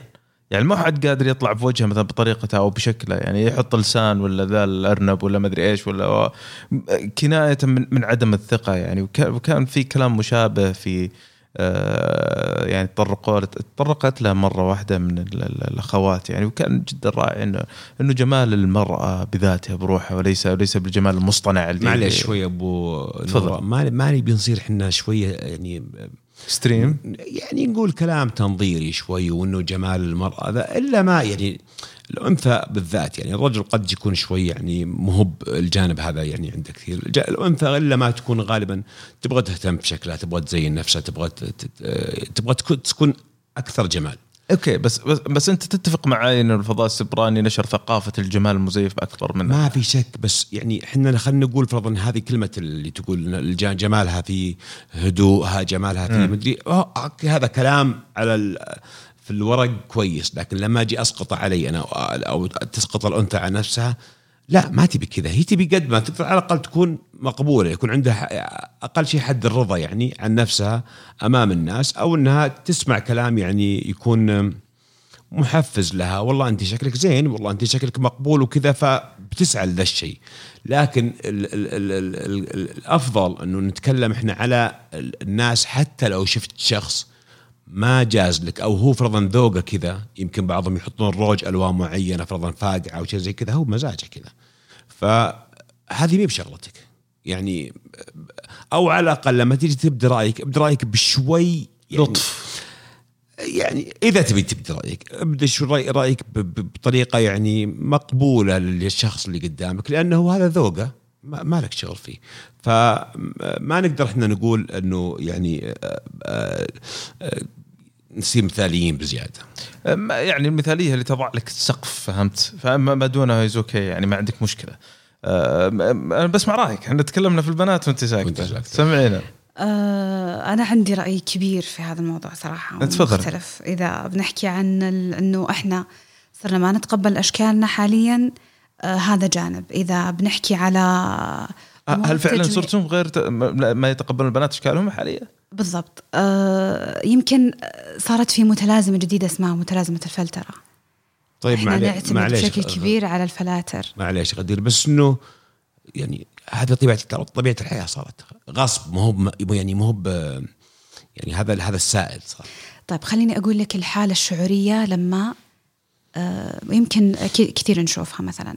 البنت آه، تكون في كامل مثلا زينتها وتستخدم الفلتر. مع الإضاءة أحيانا يكون شكلها مقبول أو هي راضية عن نفسها بشكل كبير. لكن لو تستخدم هذا الفلتر في إضاءة غير وتجلس أكثر من ساعة أو ساعتين تصور صورة مو راضي يضبط شكلها إيش الحالة الشعورية اللي أنتجها عن إحباط. عنها هذا هذا الفلتر؟ إحباط. آه، في الأخير يمكن آه، قبل يعني ما كنا نحتاج آه، أشياء معينة. ما كنا نشوف أشياء آه، فينا على أساس أنها عيوب لكن من خلال آه، سناب شات ومن خلال المشاهير والفاشينيستات وما إلى ذلك آه، أصبح آه، لدينا هوس التجميل. آه. يمكن أحيانا ما كنا نراها عيوب فينا وصرنا نراها لأن غيرنا عدلها. خلينا على سبيل المثال نشوف التكميم مثلا.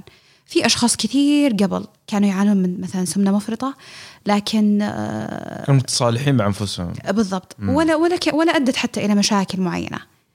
فبعد كذا صارت موضة التكميم. وبعد التكميم عمليات التجميل عمليات التجميل. منشد وما إلى ذلك. تكلفتها جدا كبيرة.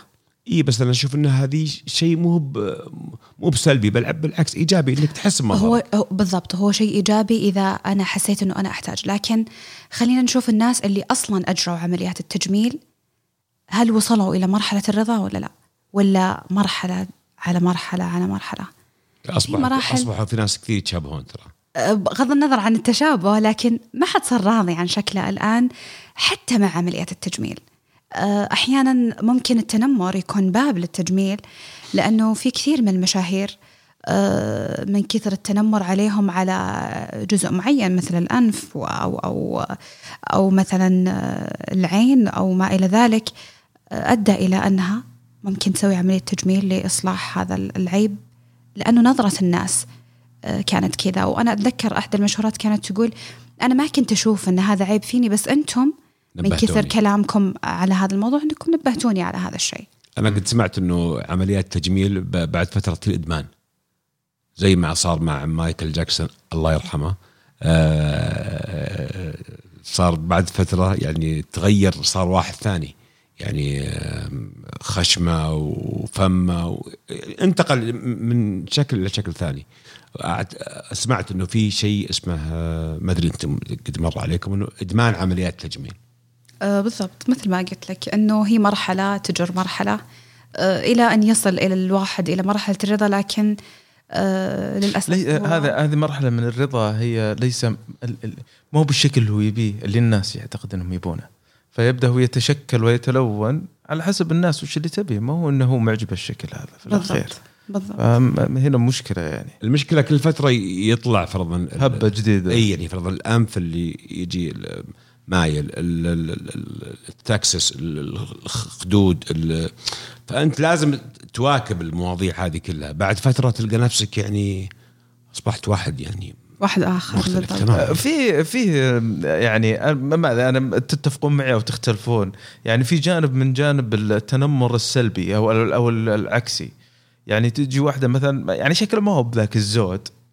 فيبدأ المديح بشكل يعني لو انت سابه أحسن يمكن يعني من من طريقة آه، لا تجرحون مشاعر تقول أنت لو ساكت أصلا ما حد درى في السالفة ذي ولا احد لاحظ الأشياء اللي انت قاعد تقولها.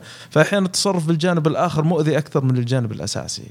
متفقون معي؟ يعني آه، المشكلة ال- ال- الجمال بالفعل مساله نسبيه يا أبو فيعني أنت ما تراه قبيح أنا أراه جميل والعكس صحيح.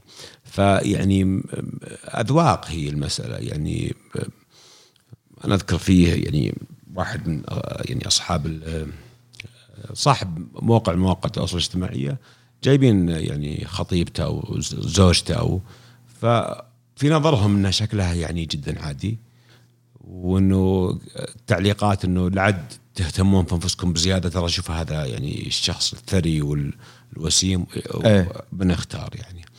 فقضية إنك يعني تمدح أو إنك يعني أوكي شفت شيء لا تكون يعني مبالغ في المدح بزيادة.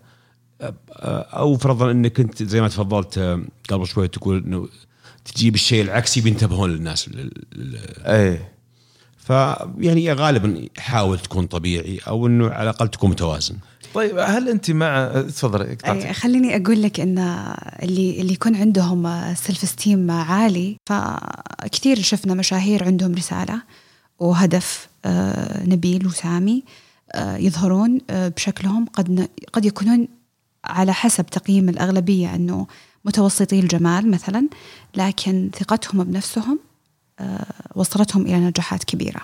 مم. آه، وفي ناس آه، ظهر نجمها واختفى. طيب على طاري علم النفس وعلم النفس السبراني وكذا كيف يوصل مرحلة السلام الداخلي والرضا؟ يعني وش الخطوات اللي هذا هذا سؤال في الصميم. خلينا نقول إذا إذا إحنا نبغى أنه الشخص يعيش في سلام داخلي وصحة نفسية جيدة منذ الصغر فإحنا نركز على التنشئة.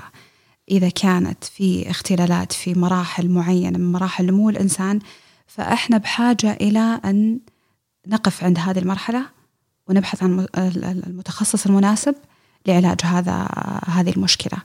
آه، أحيانا ممكن يكون الشخص آه، كبير بالغ آه، يعني ليس تحت مسؤولية والدينا مثلا. هو يكون يقيم نفسه يقيم سلامته النفسية. آه، معلش بناءً- غدير لو سمحتي ولا قطع والدك واحد يعني أنت مو بيدك إنك تختار البيئة اللي نشأت فيها. واحد نشأ في بيئة سيئة فضلا أو نشأ في ظروف يعني صعبة. كبر وتخطى مراحل النمو. هنا هذا كيف يحاول إنه يكون إنسان سوي أو يكون متصالح مع نفسه يكون هادي. طيب بالضبط. هذا اللي أنا هذا اللي أنا أقصده. إنه إذا شعر الشخص في مرحلة من مراحل عمره إنه عنده إشكالية معينة يذهب إلى المتخصص. الآن صار في وعي كبير كبير جدا بالمشاكل النفسية والاضطرابات النفسية. قبل فترة ليست بعيدة ممكن من خمس سنوات كنا ما نعرف إيش هو الاكتئاب. الآن في كل منصات التواصل الاجتماعي نجد المتخصصين اللي ينشرون ثقافة مراجعة الطبيب النفسي والأخصائي النفسي ومن واقع تجربة ومن واقع يعني خبرتي المهنية أرى أنه في ناس كثير تخطوا مرحلة الوصمة الاجتماعية للمرض النفسي صاروا يدخلون بأسمائهم ما عندهم أي إشكالية مع أنه في المستشفيات الخاصة لا يطلبون حتى الاسم لكن عنده تصالح نفسي صحيح. داخلي أنه أنا في حاجة إلى العلاج لأن الاضطراب النفسي زيه زي الاضطراب الجسدي. أنا أقول دائما أنه المرض النفسي زي فرضا زي زي الزكمة زي زي الالتهاب رح عالجه. وافضل لك مع ان أنا في اعرف واحد يعني لما يدخل العيادة النفسية يدخل متلطم يعني ويحط اسم غير اسمه وكذا بس في النهاية يدخل كويس. بالضبط هو يبحث عن العلاج في الأخير. لكن آه، المجتمع الآن صار يساعد على هذه العملية والقضية. ومن ضمن ال- ال- ال- القضايا اللي يناقشها علم النفس السبراني العلاج عن بعد اللي فيه آه، سرية أكبر خصوصية أكبر آه، سرية آه، تمنع حراجة آه، وصول آه، الشخص اللي لديه مشكلة نفسية إلى مثلا مركز العلاج آه، يتم عن طريق الأونلاين آه، بالصوت آه، آه، إذا حاب بالفيديو. فإحنا نحاول أن نوجد آه، منصة آه، حكومية آه، لها رقابة كبيرة خلاص. ب- ب- بمثل هذه ال- ال- ال- الممارسات. لأنه للأمانة آه، أصبحت آه، فيها فائده معليش غدير ال- ال- ال- العلاج عن عن بعد والسلوكي أو النفسي في- نتائج كويسة؟ على حسب الاضطراب. خلينا نقول أنه شخص مثلا وجد عنده اضطراب مثلا آه، رهاب اجتماعي. مثلا رهاب اجتماعي مقارنة مثلا بالفصام. آه، في جاب كبير بين إنه يستمر في الجلسات أو لا. لكن مثلا عن طريق ال ال ال العلاج عن بعد أنا ممكن أقلها أتخذ خطوة جريئة في إني أتواصل مع متخصص نفسي أقدر أعالج من خلالها المشكلة اللي, اللي عندي.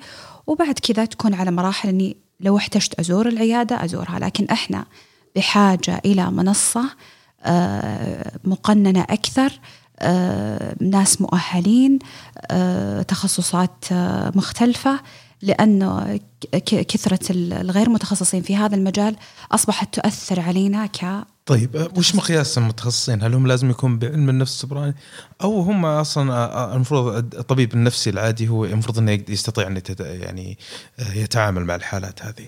هو الطبيب النفسي آه، أو الأخصائي النفسي هو مؤهل بس على حسب ال- ال- ال- الدرجة العلمية اللي عنده سواء آه، تخولة أنه مثلا يصرف أدوية معينة أو لا. أحيانا تجي استشارات عن طريق تويتر أو سناب شات آه، عن أدوية معينة ممكن الأخصائي النفسي تكون عنده خبرة بسيطة فيها لكن يقوم بإعطاء معلومات مغلوطة.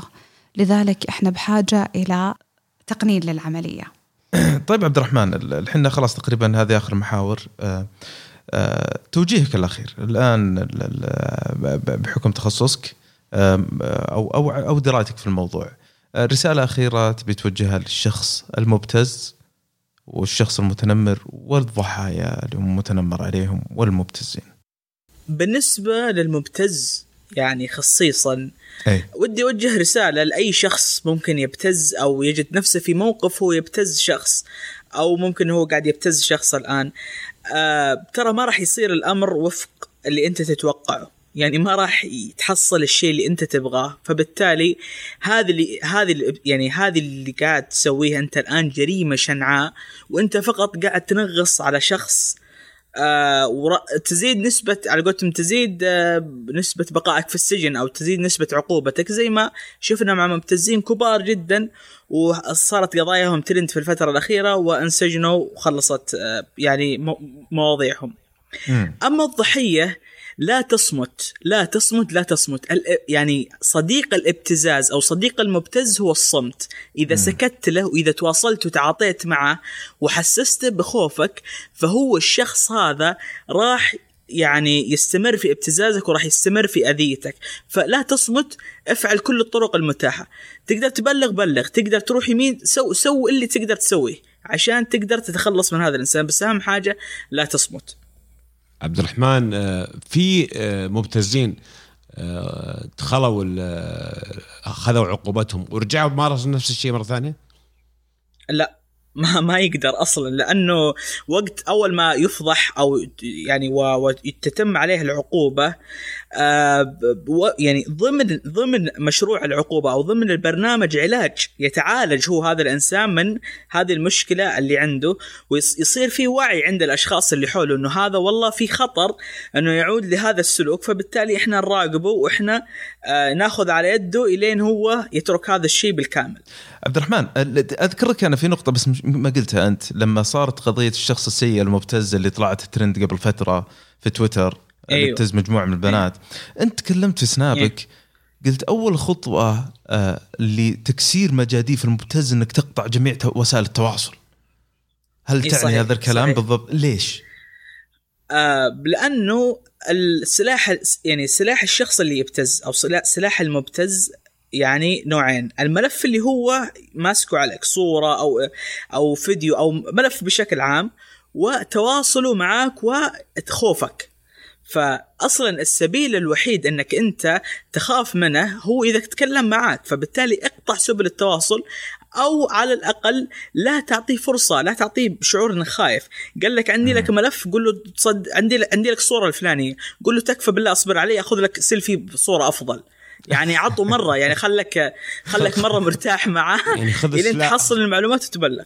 خذ السلاح إيه. منه اللي قاعد يحاربك فيه وتعامل معه فيه. بالضبط. هذه هي الفكرة. امم بس في ناس ما عندهم الجرأة ذي يا عبد الرحمن. في ناس لما يعني مجرد إنه يصير الشيء ذا ينهار. تجيهم مركب. هذا هذه المصيبة هذه المصيبة. لا تنهار. يعني ما في أي داعي.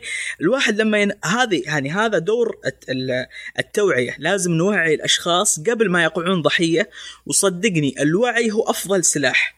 يعني كثير جدا بوعيهم وبخبرتهم السابقة. يعني آه لما يواجهون قضية كذا تنتهي تموت في أرضها لأنه عنده خلاص عنده وعي. فلازم إحنا ننشر الوعي علشان لا تجيهم الركب. طيب طيب ممتاز. غدير في النهاية أنت ما شاء الله شغالة كمدربة في مجال علم النفس السبراني. قاعد تحاول تنشر المجتمع. حسب ما قرأت أنا في, في, عندك أكثر من ورشة عمل سويتيها في كذا مدرسة وكذا. ما هو الدور المناط فينا إحنا كناس واعيين في أبعاد هذه القضية. وحتى الأشخاص اللي الحين اللي قاعدين يسمعونا شكرا لهم يعني قعدوا معنا طول الفترة وسمعوا كل الحديث.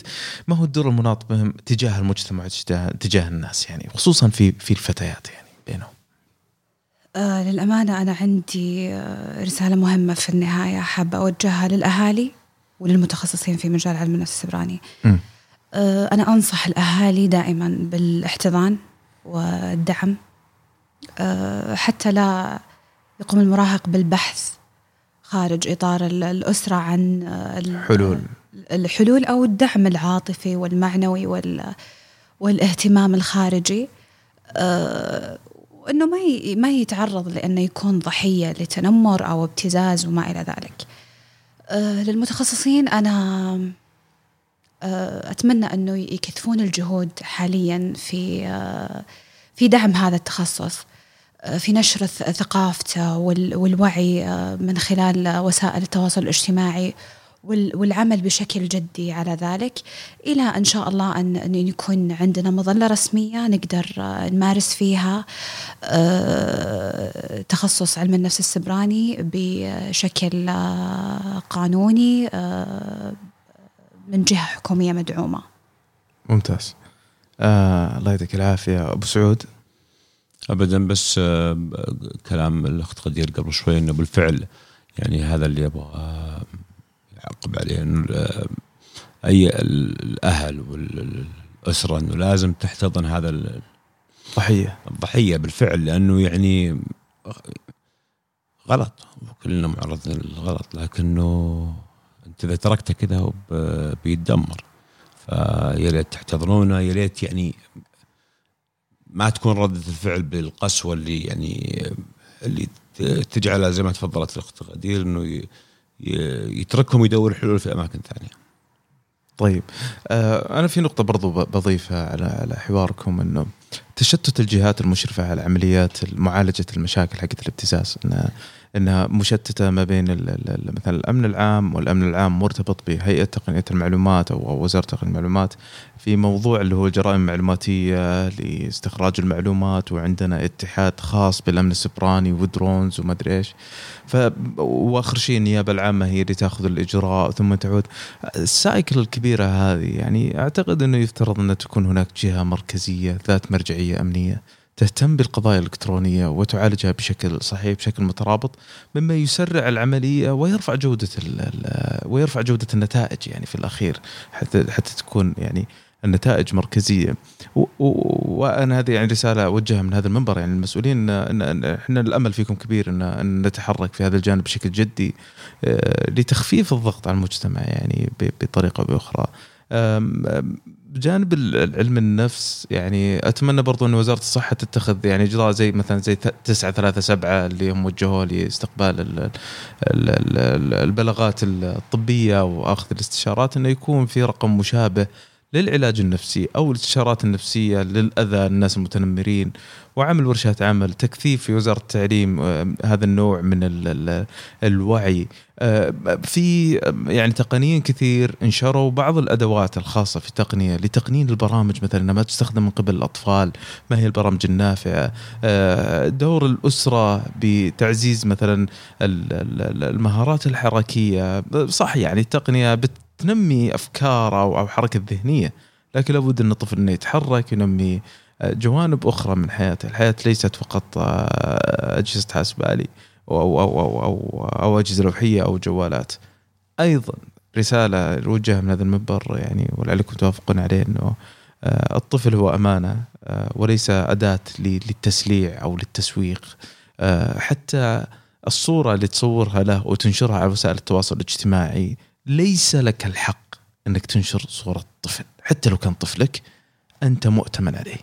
هذه الرسالة التي تنشرها يوم من الأيام لو جاء أحد كتب عليها تعليق سيء آه، قد تؤثر بنفسية طفلك أو قد يعني آه، تؤدي فيه إلى إلى إلى التهلكة أو تؤثر بنفسيته بشكل عميق جدا. هذا في الأخير طفل يعني هو عجينة.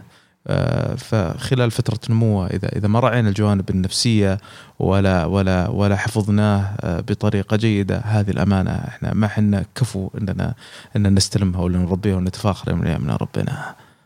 طيب آه، في آه، أشكركم آه، أحب أشكرك أحمد آه، أحب أشكر آه، غدير على وقتها عبد الرحمن شكرا لك على وقتك وشكرا لك على المعلومات الثرية اللي أعطيتنا إياها آه، الحقيقة ممنونكم على ال- الوقت الطويل اللي أخذته ممنون برضو للمستمع الكريم اللي أخذ معنا هذا الوقت للاستماع إلى إلى يعني إحنا نقول إنها هي أفكار آه، يعني وفضفضة بحكم ال- الألم والمشاهدات اليومية اللي نشوفها في في فضاء ال ال الإنترنت.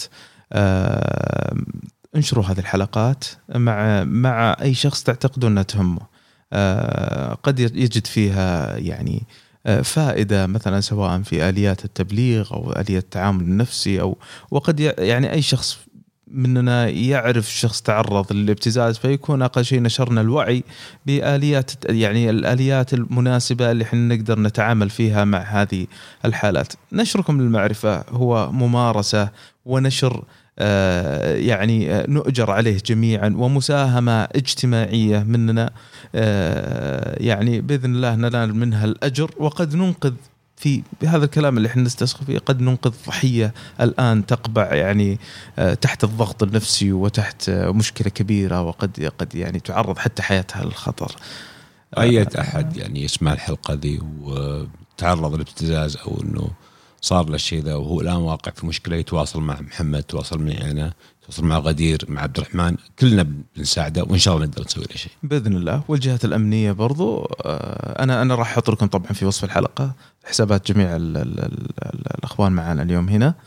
آه، تواصلوا معنا إحنا قلوب مفتوحة لكم جميعا بنساعدكم باللي نقدر عليه لكن صدقوني كل اللي نقدر عليه ما هو بشيء عند الموجود عند الدولة، الدولة صح. هي الأب الكبير وهي الحامي للجميع، فضعوا ثقتكم فيها وإن شاء الله بإذن الله ما تخذلكم. واهم شيء إنه ما حد يسكت زي ما قالت غدير. لا تسكت تكلم لأنه السكوت ما راح يفيدك. الله يعطيكم العافية آه وشكرا لكم ونلتقيكم إن شاء الله بإذن الله الحلقة القادمة. شكرا لكم شكرا خير نلتقيكم على خير.